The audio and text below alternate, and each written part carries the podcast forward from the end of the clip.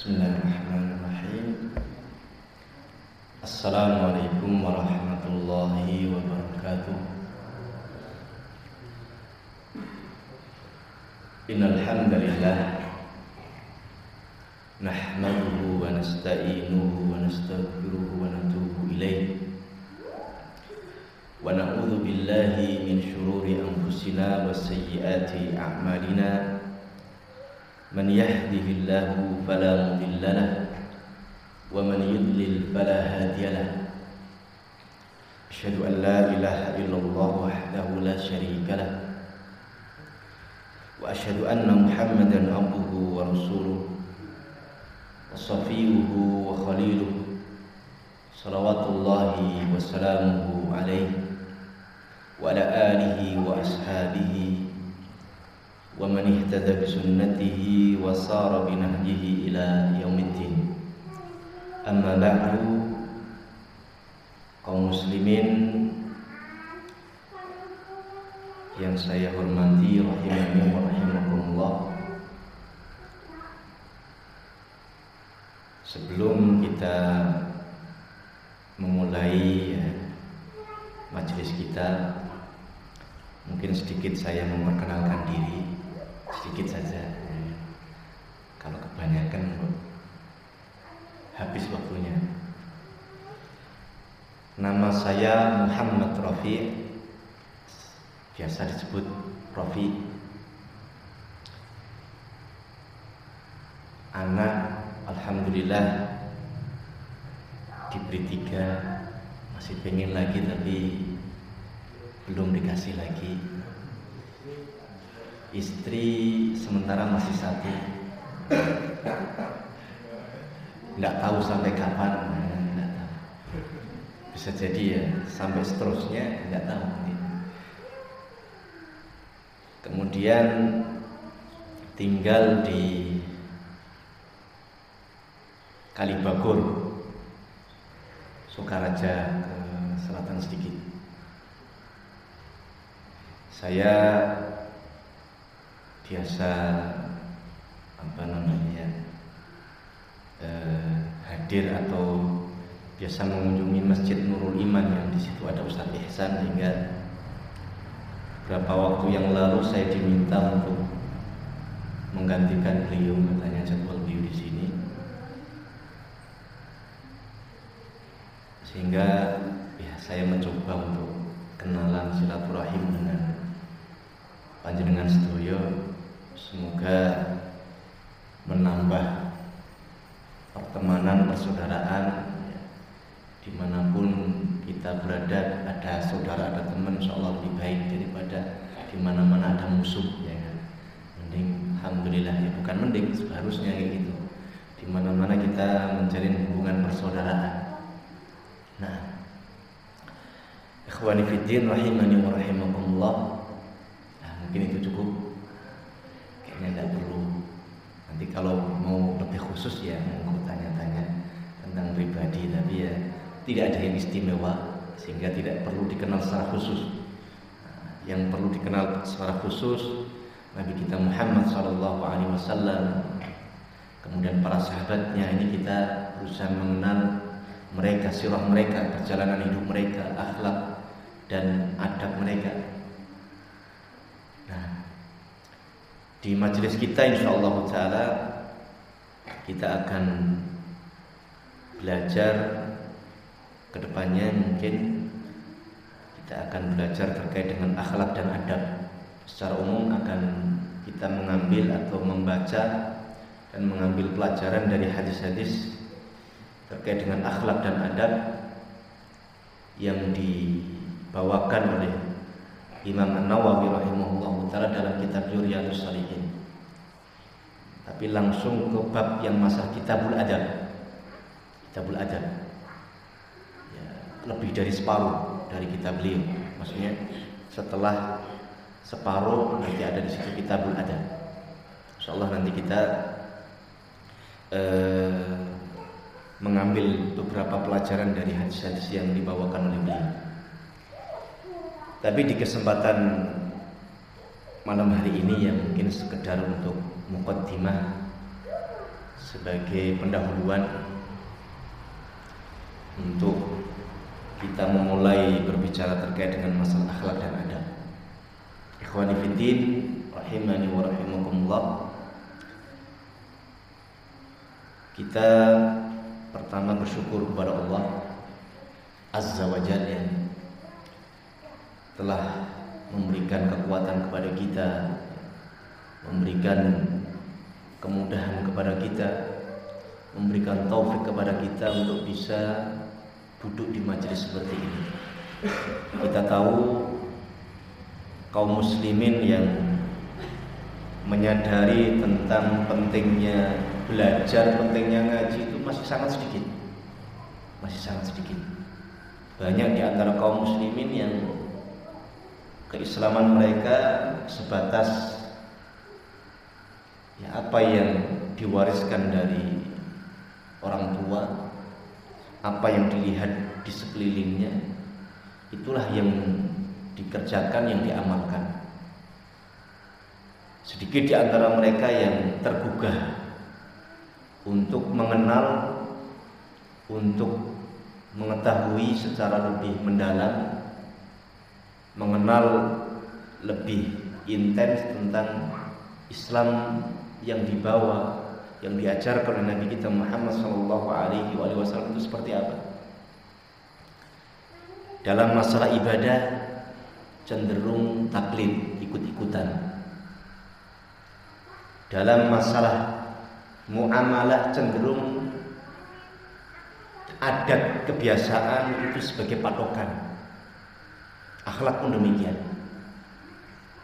Akidah, etikot, keyakinan kebanyakan keyakinan yang tersebar di masyarakat yang terwarisi dari nenek moyang yang tidak dipungkiri di situ masih tercampur dengan keyakinan-keyakinan Hindu, Buddha, dinamisme animisme nah, sehingga sebenarnya perlu dibersihkan ya, perlu ditasfiyah istilahnya. Pemahaman-pemahaman yang di luar Islam dibersihkan dari pemahaman kaum muslimin. Sehingga kaum muslimin benar-benar berislam baik dari sisi akidahnya, dari sisi ibadahnya, akhlak dan muamalahnya benar-benar menerapkan apa yang diajarkan oleh Nabi kita Muhammad sallallahu alaihi wasallam. Maka penting kita mempelajari agama Allah Subhanahu wa taala. Ikhwani fillah rahimani wa rahimakumullah. Makanya saking pentingnya masalah belajar. Nabi kita Muhammad alaihi salatu wassalam mewajibkan mempelajari agama ini. Kita sering mendengar sabda beliau, "Thalabul ilmi faridatun ala kulli muslimin." mempelajari agama, mempelajari ilmu, ilmu agama ini itu adalah fardhu, adalah wajib ala kulli muslim atas setiap muslim tidak terkecuali. Kenapa demikian? Karena ketika seorang muslim itu bahkan secara umum seluruh manusia itu hidup di dunia ini ditugaskan oleh Allah Subhanahu wa taala untuk ibadah. Kita tahu firman Allah Subhanahu wa taala wa ma khalaqul jinna wal insa illa liya'budun. Tidaklah kita menciptakan jin dan manusia kecuali untuk beribadah kepada demikian kata Allah Subhanahu wa taala. Ketika Allah menugaskan kita untuk beribadah di dunia ini, kita tahu Allah Subhanahu wa taala tidak membiarkan kita. Silahkan beribadah sesuai dengan apa namanya kehendaknya, sesuai dengan tata caranya, sesuai dengan kemauan kita tidak. Ya kan? Tetapi Allah Subhanahu wa taala mewajibkan kita atau meminta kita menugaskan kita untuk beribadah sekaligus mengajarkan kepada kita bagaimana beribadah kepada Allah Subhanahu wa taala. Maka ketika kita berniat beribadah kepada Allah Azza wa Jalla, Ya, harus mengetahui bagaimana Allah mengajarkan ibadah tersebut. Jangan hanya sekedar ya, katanya jirene ya, ikut-ikutan ada temannya melakukan ibadah seperti itu ya ikut-ikutan dan seterusnya enggak. Tetapi kita yakin bagaimana apa namanya? Kita yakin bagaimana Allah Subhanahu wa taala itu mengajarkan ibadah tersebut kepada kita sampai kita yakin bahwasanya itu adalah ajaran ibadah yang diajarkan oleh Allah Azza wa Jalla. Makanya diriwayatkan dari Khalifah Umar bin Abdul Aziz rahimahullah taala. Ketika beliau menjadi khalifah, beliau pernah menulis sebuah risalah atau surat yang ditujukan kepada penduduk Madinah ketika itu. Di antara yang tertulis di dalam surat tersebut pesan beliau di antaranya beliau mengatakan man ta'abbada bi ghairi ilmin kana mimma yufsidu akthar mimma yuslih siapa yang dia beribadah kepada Allah tanpa dasar ilmu maka apa yang dirusak kerusakan yang ditimbulkan itu lebih banyak lebih besar dibandingkan dengan kebaikan yang dihasilkan. Bagaimana tidak? Seseorang menganggap dia beribadah kepada Allah, menganggap melakukan ketaatan, tetapi ternyata tercampur di dalam niatnya ingin dipuji, ingin disanjung, ingin dimuliakan, merasa dia beribadah, merasa dia melakukan taatan, merasa melakukan sholat, merasa telah banyak bersedekah, bahkan bisa jadi banyak membangun masjid di berbagai tempat, menyantuni anak yatim, fakir miskin, dan seterusnya. Merasa banyak melakukan itu, tetapi dia tidak sadar atau bukan tidak sadar, tetapi dia membiarkan apa yang ada di dalam hatinya berupa keinginan untuk mendapatkan pujian, mendapatkan sanjungan, ingin dimuliakan orang-orang di sekitarnya. Ini kan sudah sesuatu yang merusak amal itu. Inilah dia yang dikhawatirkan oleh Nabi Shallallahu Alaihi Wasallam menimpa umat ini. Akhfafu ma akhafu alaikum asyirkul asghar. Kata Nabi Alaihi Wasallam. Sesuatu yang paling aku khawatirkan menimpa diri kalian adalah syirik kecil. Mungkin ah kecil ikilah, cilik. Yang cilik apa disik sing cilik, ya kan? Cilik-cilik kayak gunung, ya tetap gunung, ya kan kayak gitu. Walaupun dikatakan gunung kecil, tapi kan gunung tetap lebih besar daripada rumah. Kan kayak gitu. Sama ini juga. Walaupun dikatakan kecil tapi kan syirik, kesirikan mensekutukan Allah Subhanahu wa taala. Walaupun dia kecil tetap lebih besar dibandingkan dengan dosa besar. Kenapa? Karena dia masuk dosa syirik. Masuk dalam firman Allah Subhanahu wa taala. Kata Allah Subhanahu wa taala terkait dengan kesyirikan, "Innallaha la yaghfiru an yushraka bihi wa yaghfiru ma duna dzalika liman yasha."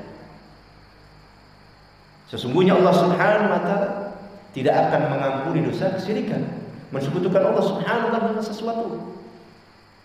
Wa yaghfiru ma duna Dan Allah mengampuni yang di bawah itu. Liman yasha untuk siapa yang dikehendakinya. Masuk di dalam ayat ini. Sehingga apa? Kalaupun dia itu kecil, tetapi karena dia termasuk kesyirikan, termasuk sesuatu yang diancam oleh Allah untuk tidak mendapatkan ampunan sampai dia bertobat kepada Allah.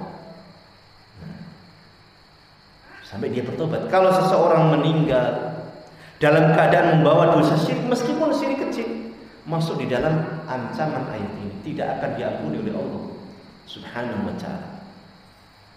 Nah, maka berbahaya. Dan termasuk juga firman Allah Subhanahu wa taala, "Lain asyrakta la yahbatanna 'amaluka wa la takunanna minal khasirin." Kalau engkau mensekutukan Allah Subhanahu wa taala, berbuat kesyirikan, la yahbatanna 'amaluka. Maka niscaya akan terhapus amal wala takunanna minal khasirin niscaya engkau akan termasuk orang yang merugi. Nah, sehingga Nabi alaihi salatu wasallam mengatakan, "Innallaha la yaqbalu minal amali ma kana lahu khalisan min qalbi wa bihi wajh." Sesungguhnya Allah Subhanahu wa taala tidak akan menerima sebuah amalan kecuali jika amalan itu ikhlas. Amalan itu ikhlas dari dalam hatinya. Maka merugi kenapa? Karena tidak akan diterima oleh Allah. Termasuk orang yang merugi melakukan minal khasirin. Sia-sia amalnya. Walaupun kecil, tetapi karena dia termasuk kesyirikan, masuk ancaman tidak diampuni oleh Allah, masuk ancaman tidak akan diterima amalan tersebut. Bagaimana tidak merugi? Maka orang yang dia melakukan amal ketaatan, merasa berbuat baik, merasa berbuat ketaatan, merasa beribadah kepada Allah, tetapi ternyata dia membiarkan riak yang ada di dalam hatinya. Ya rugi dia. Dia tidak akan mendapatkan apa-apa. Maka benarlah apa yang dikatakan oleh Umar bin Abdul Aziz tadi. Siapa yang beribadah kepada Allah tanpa dasar ilmu, maka kerusakan yang ditimbulkan lebih banyak dibandingkan dengan kebaikan yang dihasilkan. Mungkin kebaikan-kebaikan dunia dia dapatkan, tetapi di akhirat ketika dia mensekutukan Allah Subhanahu wa taala kata Allah wala minal khasirin. Maka engkau akan termasuk orang yang yang merugi. Nah, ini orang yang tidak tahu. Kalau ria itu membatalkan amal. Kenapa tidak belajar? Ketika ditanya, Nabi alaihi wasallam ketika ditanya apa itu syirik kecil, beliau mengatakan arya. Ria. Di dalam hadis yang lain, beliau memberikan contoh. Nabi kita Muhammad sallallahu alaihi wasallam memberikan contoh. Ayaqumar rajul fayusalli fayuzayyinu salata lima yara min nadhari rajuli minhu. Seseorang berdiri melakukan sholat. Kemudian dia memperbagus sholatnya dibuat nampak khusyuk, tenang. Kemudian nampak panjang bacaannya dan seterusnya. Tetapi kenapa dia memperbagus sholatnya tersebut? Kata Nabi alaihi salatu wasallam lima ya min nadhari rajuli minhu. Disebabkan karena ada orang yang melihat dia. Jadi dia memperbagus sholatnya bukan karena Allah menampakkan dia khusyuk, dia tenang itu bukan karena Allah, karena ada orang yang melihat. Ini contoh dari Nabi Alaihissalam. Tidak ada gunanya. Maka kita berusaha setiap kali ria itu menghampiri diri kita di dalam amal soleh dan ketaatan kita, kita berusaha untuk menghilangkannya. Terus kita hilangkan. Ikhwani fiddin rahimani wa rahimakumullah. Demikian juga orang yang tidak mempelajari agama Allah Subhanahu wa taala. Bisa jadi kerusakan yang ditimbulkan lebih besar dibandingkan dengan kebaikan yang didapatkan. Kenapa? Karena bisa jadi dia melakukan ibadah tersebut asal-asalan. Maksudnya asal-asalan tidak sesuai dengan yang diajarkan Nabi alaihi salatu wassalam. Padahal kita ingat tidak sebatas seseorang itu melakukan ibadah kemudian diterima mesti tidak. Nabi alaihi salatu wasallam mengatakan man amila amalan laisa alaihi amruna fa huwa raddun. Siapa pun yang dia itu melakukan sebuah amal-amal ibadah yang tidak ada contohnya dari kami maka amalan tersebut tertolak.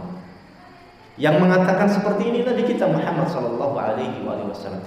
Kita tidak perlu menjadikan hadis yang seperti ini untuk menghukumi orang lain. Yang terpenting adalah diri kita.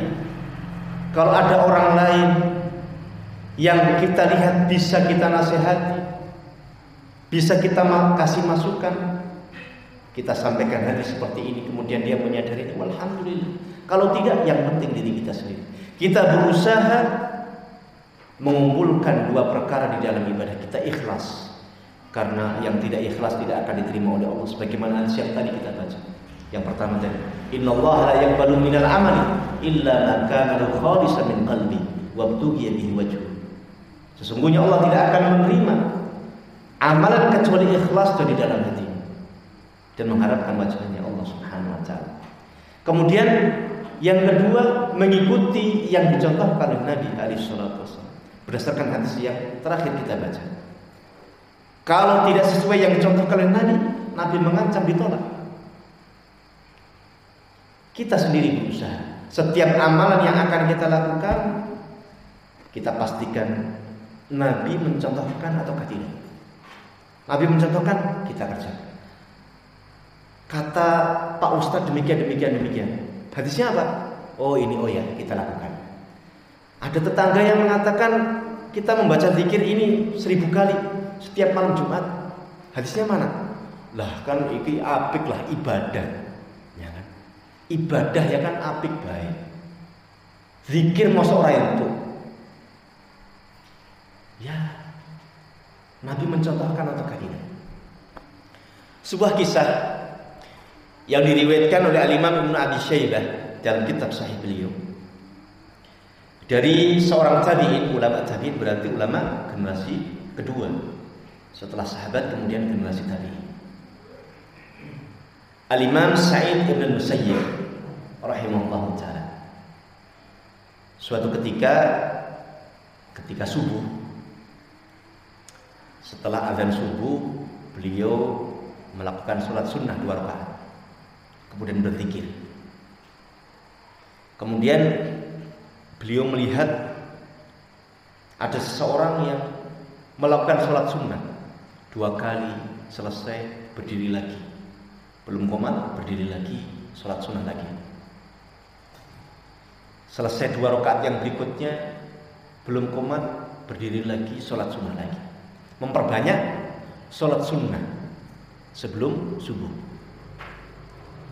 Kemudian seorang ulama yang mulia ini yang mendapatkan bimbingan langsung dari para sahabat Nabi alaihi salatu wasallam beliau menegur orang ini melarang ojo kakean sholat loro baik cukup maka orang ini mengatakan pertanyaan kepada ulama yang mulia ini Imam Sa'id bin Musayyib ayu adzibuni Allahu ala sholat apakah Allah akan menyiksaku gara-gara aku melakukan sholat?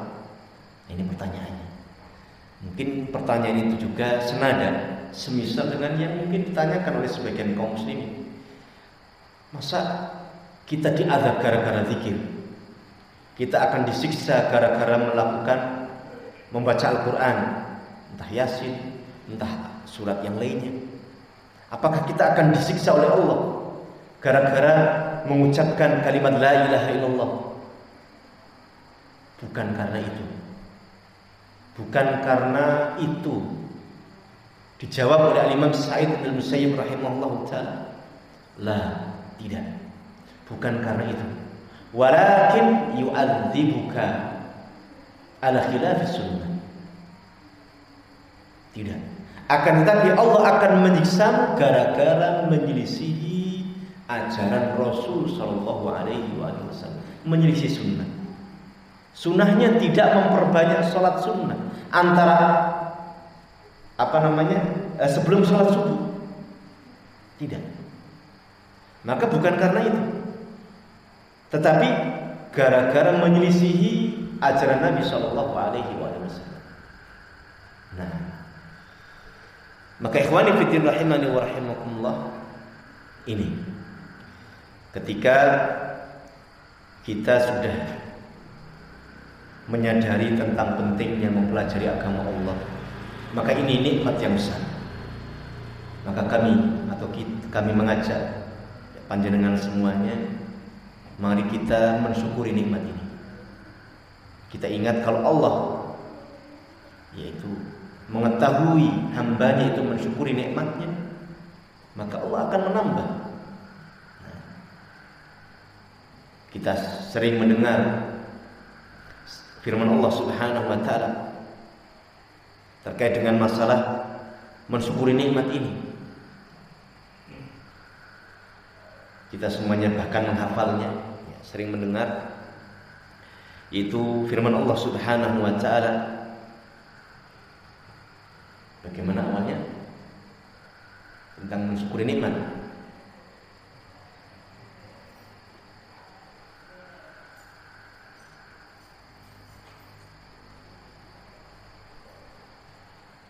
Lain syakartum la azidannakum wa la in kafartum inna adzabi lasyadid. Jika engkau bersyukur, lain syakartum la azidannakum. Maka sungguh kami akan menambahnya.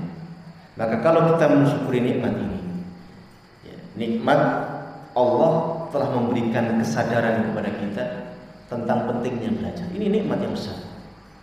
Maka kita apa namanya kita syukuri nikmat ini maka Allah telah menjanjikan akan menambah nikmat ini Allah akan terus memberikan taufiknya kepada kita. Maka seorang yang dia itu menjaga nikmat ini biiznillah dengan izin Allah dia akan istiqomah. Kenapa? Karena yang membuat orang istiqomah sampai yang meninggal adalah ilmu. Kalau dia terus berusaha mempelajari agama Allah terus mempelajari agama Allah dia siapkan waktunya, siapkan tenaganya untuk mempelajari agama Allah, maka dia akan terbimbing. Dia akan terbimbing terus. Maka dengan sebab ilmu itulah Allah memberikan keistiqomahan kepada dia.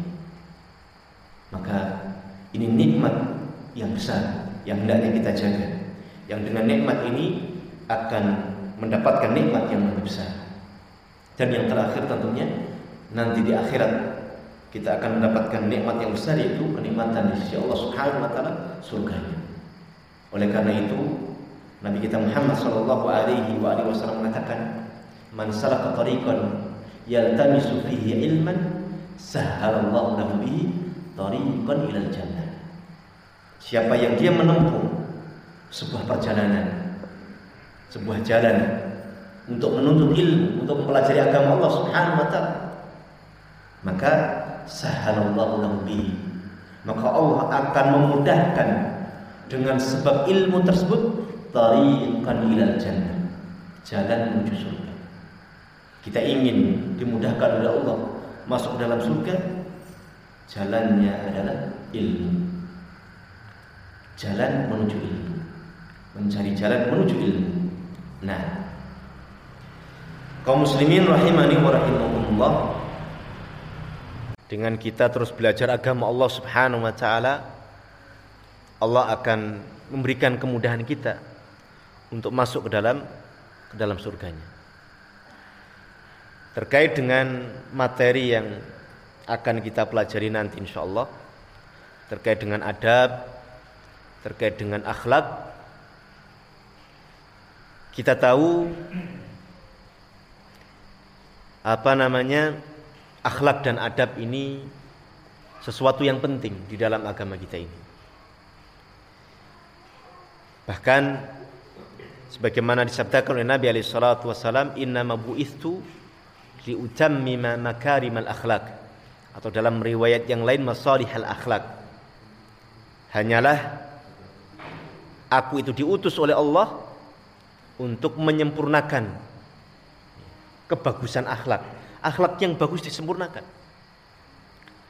Nah, penting. Bahkan Allah Subhanahu wa taala memuji Nabi alaihi salatu wasallam tentang akhlaknya. Wa innaka la'ala khuluqin azim. Dan sesungguhnya engkau wahai Nabi itu di atas akhlak yang sangat agung. Demikian juga Aisyah ibunda kita radhiyallahu taala anha menggambarkan akhlak Nabi alaihi salatu wasallam kana khuluquhul Quran kata beliau adalah akhlak Nabi alaihi salatu wasallam itu Al-Qur'an. Al-Qur'an adalah akhlak Nabi sallallahu alaihi wasallam. Nah, dan akhlak ini sesuatu yang uh, paling dicintai oleh Nabi alaihi wasallam. Akhlak yang mulia.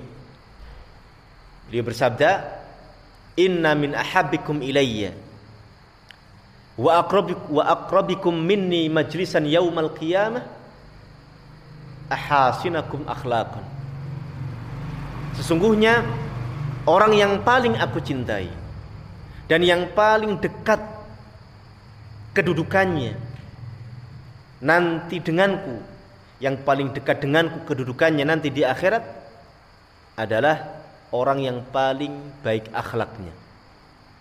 Nah, maka kita berusaha memperbaiki akhlak dan adab kita. Dan yang perlu kita pahami dan ini sedikit meluruskan pemahaman sebagian kaum muslimin terkait dengan pemahaman apa itu akhlak. Akhlak sebenarnya mencakup ya sesuatu yang sangat luas. Sesuatu yang sangat luas. Seringkali akhlak dipahami terkait dengan bagaimana sikap dengan sesama.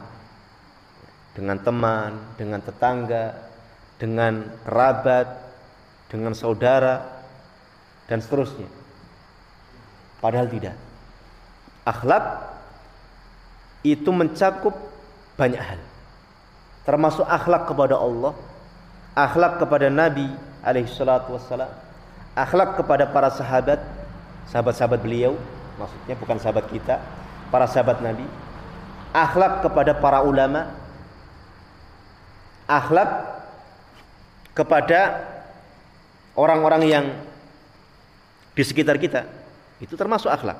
Nah, orang tua, orang tua kita maksudnya, bapak ibu, kemudian orang yang lebih tua walaupun bukan orang tua kita kemudian saudara-saudara kita, kerabat kita dan seterusnya. Nanti insya Allah kita akan berusaha ya, memperbaiki akhlak kita. Walaupun mungkin yang eh, dalam kitab Riyadus Solihin yang fokusnya nanti terkait dengan hubungan dengan sesama. Adapun akhlak terhadap Allah, terhadap nabinya, terhadap para sahabat nabi ini secara umum masuk dalam pembahasan akidah. Ya, masuk dalam pembahasan akidah. Maka ketika tadi apa namanya ibunda kita Aisyah mengatakan terkait dengan akhlak Nabi itu adalah Al-Qur'an karena khuluquhul Qur'an. Adalah akhlak Nabi itu adalah Al-Qur'an. Kita tahu Al-Qur'an itu pembahasannya tidak hanya terkait dengan bagaimana bermuamalah dengan sesama. Bahkan mayoritas isi daripada Al-Quran bagaimana berhubungan antara manusia dengan Khalik dengan sang pencipta Allah Subhanahu wa taala. Maka ketika Aisyah mengatakan akhlak Nabi itu adalah Al-Quran, nah, berarti tidak bisa dipahami terkait dengan akhlak dengan sesama saja.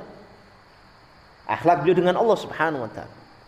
Dan kita tahu sebagaimana tadi tidak ada gunanya seseorang yang baik hubungannya dengan sesama tetapi dengan Allah Subhanahu wa taala lancang.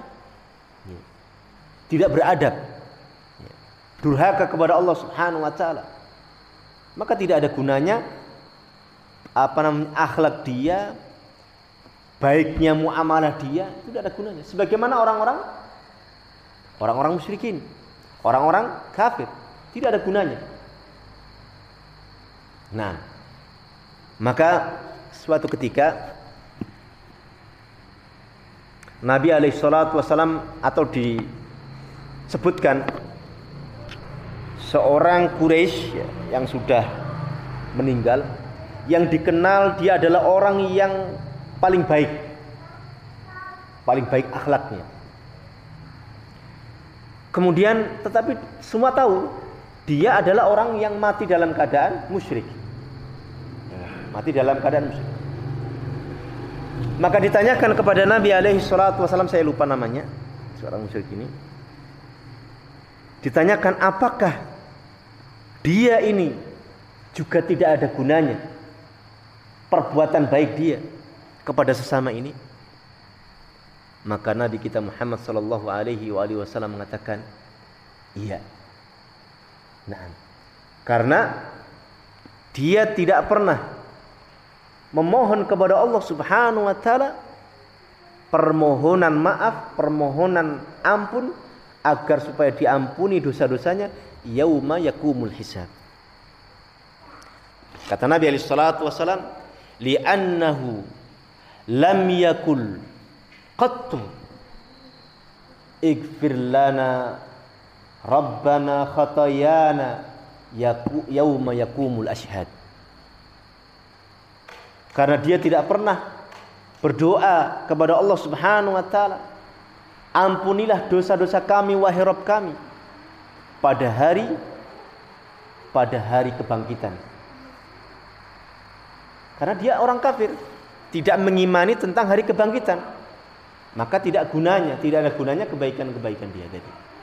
Nah, maka ikhwani fiddin rahimani wa rahimakumullah kita tadi juga sudah membaca Firman Allah Subhanahu wa taala la in asyrakta la yahbatana amaluka. Kalau engkau berbuat kesyirikan maka akan sirna amalanmu. Demikian juga dalam ayat yang lain Allah mengatakan walau asyraku la habitu anhum ma kanu ya'malun kata Allah. Kalau seandainya mereka itu melakukan kesyirikan termasuk orang-orang kafir mereka melakukan kesyirikan la habitu anhum ma kanu ya'malun maka akan terhapus apa saja yang dulu mereka kerjakan maka tidak ada gunanya. Sirna. Maka kita berusaha memperbaiki akhlak kita kepada Allah Subhanahu wa taala. Ya, kemudian kita memperbaiki akhlak kita kepada sesama. Akhlak kita kepada sesama. Berapa menit lagi, Pak? Satu menit. Masya Allah. Tayyib. Uh, mungkin itu ya. Insya Allah nanti kita lanjutkan pada pertemuan-pertemuan yang tidak tahu kapan. Mungkin kayaknya kalau kemarin sampaikan kepada saya dua pekan sekali ya. Atau gimana? Ya kan? Ya. Nah, insya Allah dua pekan yang akan datang. Mungkin itu yang bisa kita sampaikan atau kita bicarakan dalam kesempatan malam hari ini. Eh, kurang lebihnya mohon maaf.